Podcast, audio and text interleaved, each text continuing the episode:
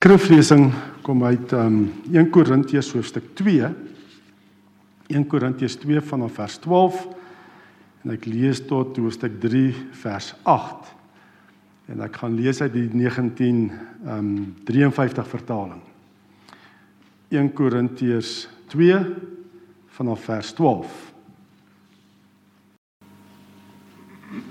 Ja. Ja, dit is die tema ook van die prediking God herskep ons sodat ons kan groei tot geestelike volwasse mense. 1 Korintiërs 2 vanaf vers 12 Ons het ewenwel nie die gees van die wêreld ontvang nie, maar die gees wat uit God is, sodat ons kan weet wat God ons uit genade geskenk het.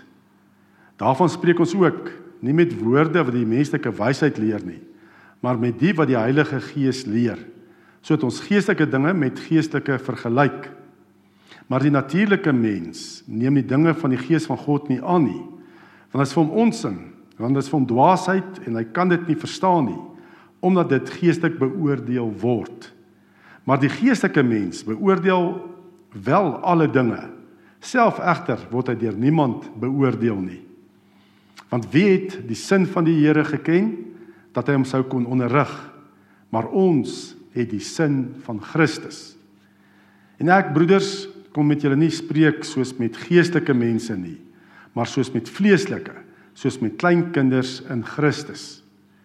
En ek het julle ek het julle met melk gevoed, nie met vaste spys nie, want julle was nog nie daartoe in staat nie en julle is nou nog nie daartoe in staat nie. Omdat julle nog vleeslik is. Want aansien daaronder julle jaloersheid en twis en tweedrag is, is julle nie vleeslik nie en wandel julle nie na die mens nie. Want as die een sê ek is vir Paulus en die ander ek is vir Apollos, is julle nie vleeslik nie. Wie is Paulus dan en wie Apollos anders as dienaars deur wie julle gelowe geword het? En dit soos die Here aan elkeen gegee het. Ek het geplant, Apollos het nat gemaak, maar God het laat groei. So is dan hy wat plant of hy wat nat maak niks nie, maar God wat laat groei. Maar hy wat plant en hy wat nat maak is een, maar elkeen sal sy eie loon volgens sy eie arbeid ontvang.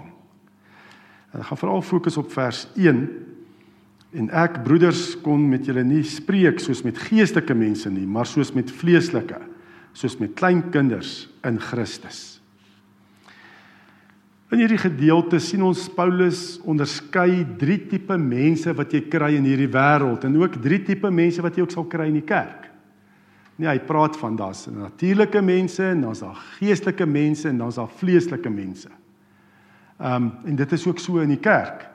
En eerstens wil ek kyk na die natuurlike mens wat hy van praat in in 1 Korintiërs 2 vers 14 waar hy praat van die natuurlike mens.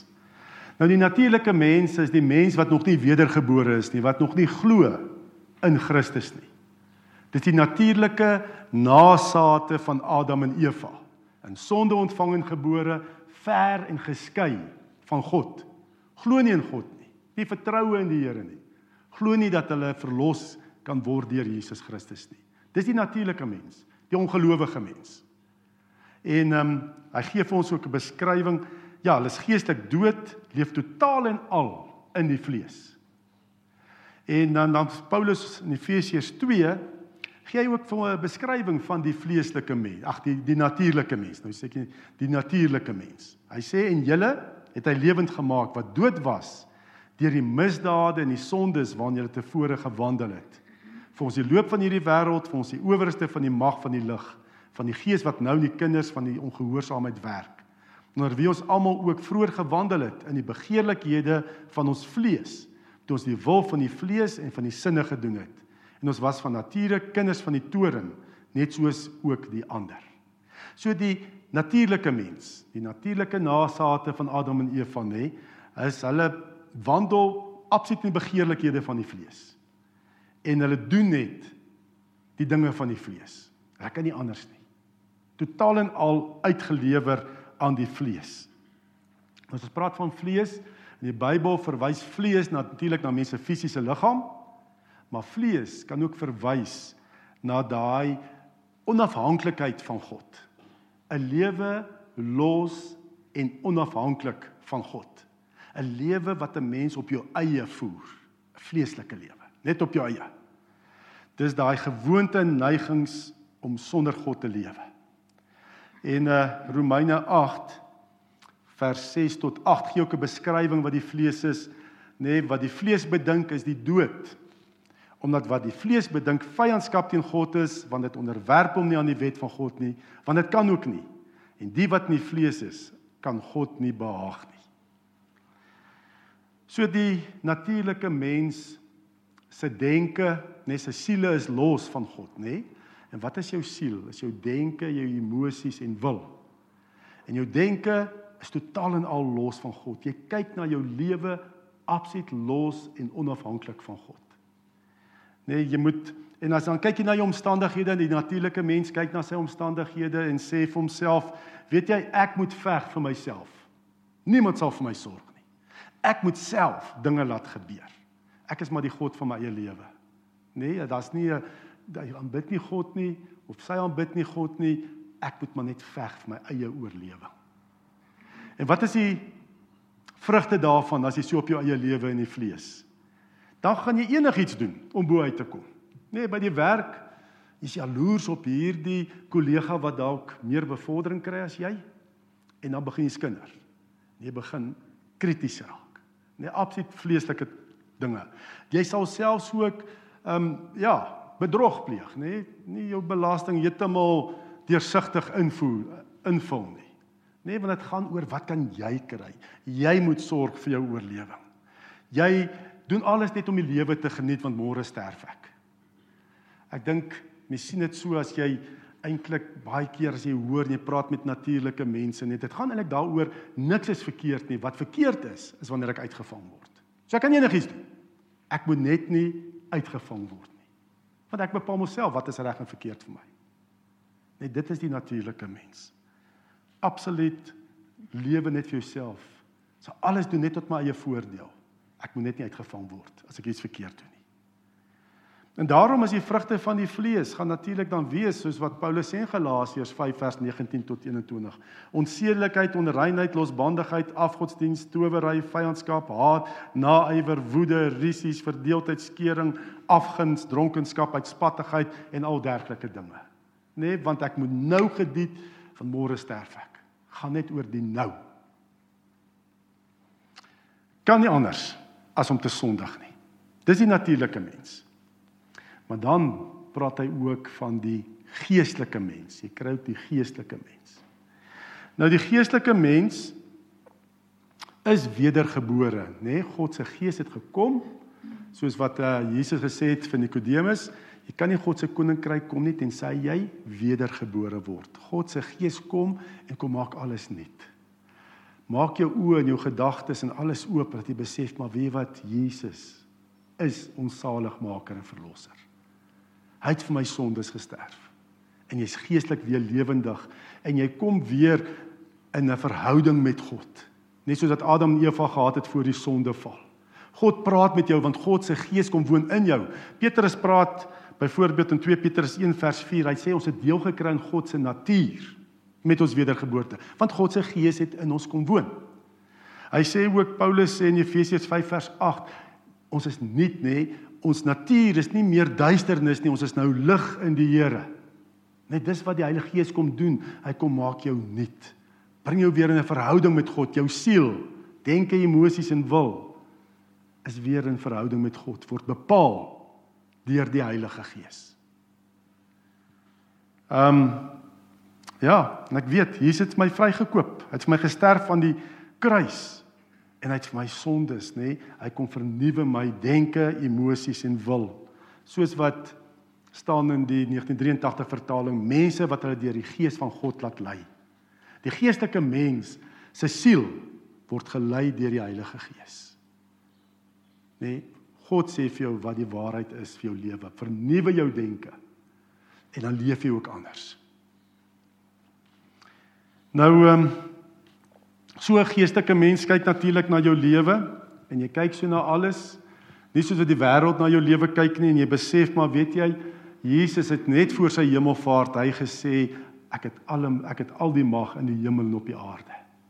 Jesus is in beheer van hierdie wêreld. En God sê hy is my Vader in Christus. En hy sal vir my sorg. Dink aan eerste twee liedere lofprysing wat ons gesing het, so daarvan gepraat. Net dat God is my Vader, hy sal vir my sorg, nê. Ehm um, en God het 'n plan met my lewe. Nee, geestelike mens besef, ek is nie per ongeluk hier nie. Ek's met 'n doel hier. God het my beplan. Hy het my presies geskaap soos hy my wil hê met verhoudings wat hy wil hê ek moet beïnvloed. Hy het 'n plan en doel met my lewe. En God sal voorsien dat ek hy plan en doel kan vervul. Ek moet hom net glo, hom net volg. En dan, as jy so besef dat die Here is in beheer van jou lewe nê, en dat al is dit COVID-19, al is dit wat ook al aangaan in ons land, nie misdaad of wat nie, God is by my. Hy sal vir my sorg. Hy het nog steeds 'n plan en doel met my lewe. Wat gebeur dan? Dan verander jy emosies ook. Nee, en jy ervaar emosies van emosies van vrede en vreugde in plaas van hierdie bekommernisse en moedeloosheid wat ons so lees van. Nee, want ek is in die Here se hande. Die Here is nog steeds in beheer. En daarom sal jy dan ook vrugte van die Gees dra, net soos wat uh, Paulus sê in Galasiërs 5 vers 22 en 23 waar hy sê liefde, vreugde, vrede, geduld, vriendelikheid, goedhartigheid, getrouheid, nederigheid en selfbeheersing, want ek hoef nie te veg nie. Ek het 'n Vader in die hemel. En ek spreek in naam van Jesus, soos ons ook gesing het nie. En hy sal laat gebeur wat moet gebeur in my lewe. Ek moet net Jesus volg. En dan kan jy rustig raak. Hoef jy nie so moedeloos en twyfel en en hierdie bekommernis hê. Verander jou hele lewe as jy besef wat is vir jou waar in Christus as 'n geestelike mens. Maar nou weet ons ook, daar's baie van ons nee, ons glo werklik, nê, nee, ons is wedergebore, ons het die Heilige Gees. Ek glo regtig dat Jesus my sondes aan die kruis gesterf het. Maar ek kom agter, daar's nog steeds tye wat ek baie twyfel en ehm um, werke van die vlees eintlik doen. Net daai stryd en bekleierery. Seker areas my lewe leef ek absoluut geestelik, maar ander areas nê, dan val ek weer. Ehm um, byvoorbeeld my finansies hanteer ek geestelik. Maar as dit kom by verhoudings met my gesin, my man of vrou of kinders nê, dan is dit hierdie stryd nê, hierdie vlees en ek is woede en sulke dinge. En dit is die derde persoon wat Paulus identifiseer in hierdie gedeelte. Die vleeslike. Daar's ook vleeslike gelowiges, die vleeslike mens. Hy sê in um, 1 Korintiërs 3 vers 1, maar soos met vleeslike, soos met klein kinders in Christus. So daar is gelowige kinders van die Here, maar hulle is nog kinders. Hulle is nog kleintjies. Né? Nee? Klein kinders in Christus wat nog melk gevoed moet word. Wat nog nie vaste kos in Christus kan hanteer nie geestelik nie. En dit is ongelukkig baie van ons is daar. Vleeslike Christene. En ehm um, klein kinders, ons is wedergebore deur die Heilige Gees geestelik lewendig en gered. Nee, ons word mos nie gered deur ons werke nie. So al het ek nou weer kwaad geword vir omdat ek weer beklei of wat ook al, as nie sê ek gaan nou hel toe omdat ek nou beklei het nie, nê. Ehm um, ek is gered. Maar ek het nie hy oorwinning in Christus nie, want ek is nie 'n geestelike mens nie. En ongelukkig word ons denke baie keer nog beheer deur die vlees. Want ek ons leer baie dinge in hierdie wêreld. En voor my wedergeboorte het ek 'n klomp dinge geleer in my lewe hoe om die wêreld te hanteer en situasies te hanteer, nie vleeslik te hanteer. Ehm, um, weet as iemand my slaan, dan slaan ek twee keer harder terug daai tipe van vleeslike, nê, nee, jy jy neem wraak, daai tipe dinge. En dit het ons geleer baie keer aangeleer voor ons wedergeboorte. En toe kom die Heilige Gees, kom maak ons nuut en ek glo in Jesus en so. Baie mense word bevry van baie dinge. Maar daar's ook baie dinge wat oorbly. Net daai gewoontes wat ek ken, wat ek geleer het voor my wedergeboorte, is nog daar. Want toe die Heilige Gees my oë en ore kom oopmaak, dat ek besef dat Jesus my sondes gesterf het, het Die Heilige Gees nie 'n delete knop in my brein gedruk wat al daai vorige gewoontes uitgevee het nie. Nee, ons moet nou doelbewuste keuses maak om daai verkeerde vleeslike gewoontes te weg te gooi en God se manier te lewe. So dit is ons verantwoordelikheid. En dan leef ons ook in 'n wêreld wat totaal en al in die vlees is, nê? Nee? As jy dit dink by die skool en by die werk of waar jy ook al gaan, nê, nee, mense is in die vlees. Elkeen sorg net vir homself. Selfsugtig baie keer. Skinder en buskinder en al die dinge, nê? En dit wat Paulus sê in hierdie gemeente was dit dieselfde gewees. Hy praat daarvan in in vers 3, 1 Korintiërs 3 vers 3. Omdat julle nog vleeslik is, want aangesien daaronder julle jaloersheid en twis en tweedrag is, is julle nie vleeslik nie en wandel julle nie soos die mens nie. So baie keer selfs in die kerk kan dit gebeur. Nee, ek is jaloers op iemand nie. Lyk of daai persoon meer aandag kry of wat ook al of iemand in 'n leiersposisie nie. En as ek jaloers raak nou baie krities en begin jy agteraf verdagmakery oor hierdie persoon. Hierdie medegelowige. In plaas van om daai persoon direk te gaan praat en sê, "Maar dit pla my." Nou praat ek eers met al klomp ander om om hom of haar. En dit bring verdagmakery, twis. Ag en dit gebeur ook nie in die kerk, natuurlik in die wêreld ook. In ons lewens. Ehm um, en dan jy besluit, jy kan die Gees volg. Nee, jy weet wat die waarheid is. Jy weet wat die Here sê in sy woord, maar jy besluit nog steeds om in die vlees te wees en jy het hierdie woede uitbarstings. Net daar's jaloesie, kritiek, skinder, verdagmakery nog steeds in jou lewe. Jy weet dis verkeerd. Maar ons besluit baie keer nog steeds om so in die vlees te wees. Ehm um, Ja, en die gevolge, ongelukkig hierdie gevolge nê van 'n lewe in die vlees. Wat is die gevolge van 'n lewe in die vlees, nê? 'n Gelowige wat nog steeds vleeslike optrede het is baie keer jy kyk nog steeds na jou lewe en dink jy's onseker of die Here sal voorsien of hy sal sorg. En jy maak jou denke nog steeds los van die Here af en bedink wat die wêreld dink. En dan kom hy negatiewe emosies weer. Jy's onseker, jy's bekommerd oor alles en jy het hierdie uh, baie keer hierdie emosies van minderwaardigheid en bitterheid en bekommernis en twyfel soos eintlik 'n natuurlike mens, 'n mens wat nie glo nie. En dit veroorsaak natuurlik dat ook ander ongelowige mense nie sal glo in Jesus nie. Jou kollega by die werk, as jy in die vlees, as hy weet jy's 'n Christen, maar jy's in die vlees, gaan hy dink maar hoekom moet ek in Jesus glo? Jy praat maar dieselfde praatjies wat ek praat, wat ongelowige is. Jy's net so bekommerd soos ek. Jy's kinder maar net soos ek. Jy doen maar dieselfde wat ek doen.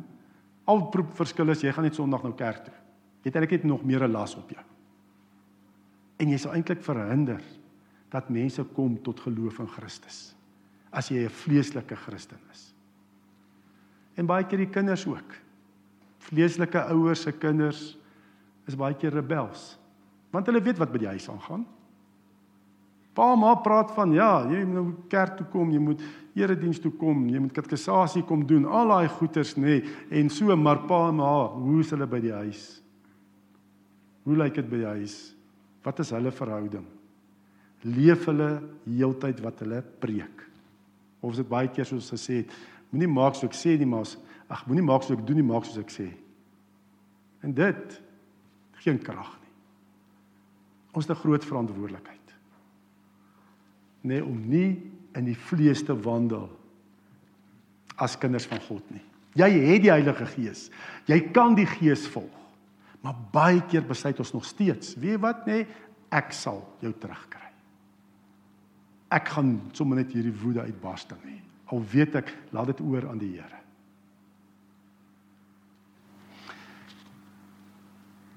Hoekom as jy minderwaardig voel? Hoekom is jy minderwaardig? Dis omdat jy toelaat dat omstandighede vir jou sê wie jy is. Dit wat jy sien en hoor en proe en ruik, net jou sintuie vir jou sê, voel jy baie keer o, daai een is belangriker as ek, kyk hulle is meer suksesvol, is ryker of wat ook al, meer verder geleerd. Niemand hoef minderwaardig te wees nie. Want wat sê die Here in sy woord? Jy's sy kosbare kind. Hy het die duurste prys vir jou betaal, die bloed van sy seun. En jy het saam met Jesus 'n plek in die hemel staan daar in Efesiërs. Ehm um, Efesiërs 2 vers 6 As jy onseker is, jy hoef nie onseker te wees nie. Hebreërs 13 vers 5 sê die Here, ek sal jou nooit verlaat of in die steek laat nie. Jy hoef ook nooit skuldig te voel nie. Romeine 8 vers 1 staan daar, daar's geen veroordeling vir die wat in Christus Jesus is nie. Daar's nie 'n sonde wat God nie in Christus vergewe nie. Behalwe natuurlik die sonde teen die Heilige Gees, maar sonde teen die Heilige Gees is ongeloof. Volhardend die werking wat die Gees jou wil vir jou sê jy dit is die waarheid en jy stoot dit heeltyd weg. As jy 'n gelowige is, het jy nie 'n sonde teen die Heilige Gees gepleeg nie. En daar's geen sonde wat te groot is vir Jesus se kruisoffer nie. So jy hoef nie meer skuldig te voel nie. As jy dit bely, hy's getrou en regverdig, hy spreek jou vry in Christus. As jy onkundig is, die Here sê in Jakobus 1 vers 5, vra vir my ek sal vir jou wysheid gee. Ek het al soveel keer beleef, nê, nee, waar mens met 'n moeilike situasie kry, bid, vra vir die Here se leiding en dan kom dit deur. Dan kom jy agter maar ek het hoe kon ek hoe het ek daaraan gedink? Ek het hoe dit skielik by my opgekom? Vra die Here se leiding. God is by ons deur sy gees. So wat moet ons toelaat? As jy glo in Jesus, net dan is jy wedergebore. En nou het ons 'n verantwoordelikheid om te groei tot 'n geestelike mens, geestelike volwasse mens in Christus. En ek wil vra met hierdie vier jong manne wat nou vanoggend hulle geloof gaan bely. Net net vir julle sê, hierdie is nie die einde van die pad nie. Hier is die begin. Julle ouers het beloftes afgelê by julle doop dat hulle vir julle gaan leer die evangelie van Jesus Christus. Julle gaan grootmaak as kinders van God. En hulle het gedoen, nee, hulle het self dit geleer en julle ook laat leer, nê, nee, hier by die gemeente en ons het met julle pad gestap en ondervra en voel ja, julle glo. Maar dit nou vat julle verantwoordelikheid om te groei tot geestelike volwasse mense in Christus. So dis die begin van die pad. Dis nie die einde nie. En wat moet nou gebeur? Nee, hoe kan jy verder groei? En dit is jy moet kyk wat in jou gedagte wêreld aangaan, jou denke. Bedink jy wat van die Here afkom of bedink jy wat jou vlees vir jou sê, die sintuie, dit wat jy sien en proe en ruik en voel in die wêreld? Want Paulus sê ook in Romeine 8 vers 5 en 6, want die wat vleeslik is, bedink vleeslike dinge, maar die wat geestelik is, geestelike dinge. Want wat die vlees bedink is die dood, maar wat die gees bedink is lewe en vrede. So vernuwe jou denke wat van die gees afkom. Dis wat die Here vanoggend vir jou sê. Jy moet bedink as jong man in Christus wat van die Heilige Gees afkom. Wat God se waarheid is in Christus. Want Jesus het ook gesê, julle gaan die waarheid aan my ken en die waarheid sal jou vrymaak. So Jaco Brendan Reinu Dawie baie versigtig wees met wat in julle denke aangaan. Jy moet leer wat is God se waarheid vir jou lewe. Want God verander jou. Nee om 'n geestelike mens te word deur jou denke te vernuwe. Dis wat Paulus sê in Romeine 12 vers 2. Julle moenie aan hierdie sondige wêreld gelyk word nie, maar laat God julle verander deur julle denke te vernuwe. Dan sal julle ook kan onderskei wat die wil van God is, wat van goed, aanneemlik en volmaak is. En hoe verander God ons denke? Met wat verander die Heilige Gees jou denke? Enigeen van julle? Wat gebruik die Heilige Gees om jou denke te vernuwe? Wat is die swaard van die Gees? Brendan Klink of ek weer katkasasie nou gee. nee, God verander jou. Net deur jou denke, die Heilige Gees gebruik sy swaard. Dit is die die woord, die Bybel om jou denke te verander. Dit wat vir jou waar is in Christus staan in die Bybel, die woord. En dit laat jou groei tot 'n geestelike volwasse jong man in Christus. Jy moet die woord ken. Daar is nie 'n dag wat jy nie nodig het om jou te verdiep in die woord nie. Dit is so belangrik dat jy die woord sal ken. Want baie jong mense sê ja, ons glo ons glo nê, maar as jy praat met hulle, dan kom jy agter wat is die diepte van daai glo. Want dit is nie gegrond in die woord nie. Ons moet die Bybel ken. As jy met situasies by die skool te doen kry nê, moet jy sê Here, wat sê jy in die woord oor hierdie situasie? En dat die Heilige Gees vir jou dan wys wat is God se waarheid vir hierdie situasie jou verhouding met jou vriende en met jou meisie, né? Nee? Wat sê God is sy waarheid vir jou verhouding met jou meisie, met jou vriende? Jou verhouding met jou broers en susters, met jou ouers. Wat sê die Here is sy waarheid in sy woord? Hierdie asseblief moet net nie dink hierdie is die einde van die pad nie. Julle vat nou self verantwoordelikheid om te groei in kennis van die woord en in afhanklikheid van die Here. Dat die Heilige Gees julle verder sal lei. So gebruik geleenthede wat daar is, nê? Nee? Gebruik die geleenthede waar jy meer woordkennis kan inkry. Gebruik dit. En watter geleenthede is daar? Deur self die woord te lees met jou eie persoonlike Bybelstudie. Ek hoop dis julle voorneme. Absoluut julle te verdiep. Dit is geestelike kos, manna vir ons. Gebruik dit en moenie wegbly van die gemeenskap van gelowiges nie. Ek moet absoluut vir julle vra. Want dit is so 'n ding wat baie keer gebeur. Jong mense lê belydenis van geloof af en dan is hulle weg. Moenie wegbly nie. Gebruik hierdie geleentheid wat hier is wanneer die gemeente bymekaar kom, die woord verkondig word en God aanbid word met met met musiek, nê, nee? met die liedere en psalms en geestelike liedere wat ons sing. Gebruik dit dat jy kan groei. Want die wêreld nê nee, waarin ons leef ken nie vir God nie. Om vandag 'n Christen te wees is om anders te lewe. Nie om saam met die stroom te gaan nie. Dit is staan net meer uit. Want hierdie wêreld is nie 'n Christelike wêreld nie. Dis 'n wêreld wat vir God nie ken nie. Waar elkeen net leef homself. Mag die Heilige Gees julle ook vul en die krag gee om te volhard op hierdie pad wat jy ver oggend besluit. Maar ek vat verantwoordelikheid. Ek gaan hierdie pad stap. Mag God julle die krag gee deur sy gees en sy woord. Kom ons bid saam. Here ons sê dankie. Dankie Here dat ons ons lewens kan kyk in ons omstandighede en weet Here, maar U is in beheer. U is ons Vader. U het ons so lief dat U die grootste prys betaal het. Die grootste geskenk gegee het, u eie seun Jesus Christus aan die kruis om ons u kinders te maak. Daar's nie 'n groter liefde as dit nie. Ons vra u Here, Heilige Gees dat u ons sal kom vul, dat ons elke dag Here sal leef vanuit u woord en die Heilige Gees se leiding. Dat u vir ons sal wys dat ons sal groei in alle areas van ons lewens tot geestelike volwasse kinders van God. En spesifiek vir hierdie jong manne ook. Here dat dat eintlik hierdie is die wegspringblokke om nou voluit te lewe vir u Here Jesus, om hulle kruis op te neem en u te volg. Seën hulle Vader. Vul hulle Heilige Gees. Ons vra dit in Jesus se kosbare naam. Amen.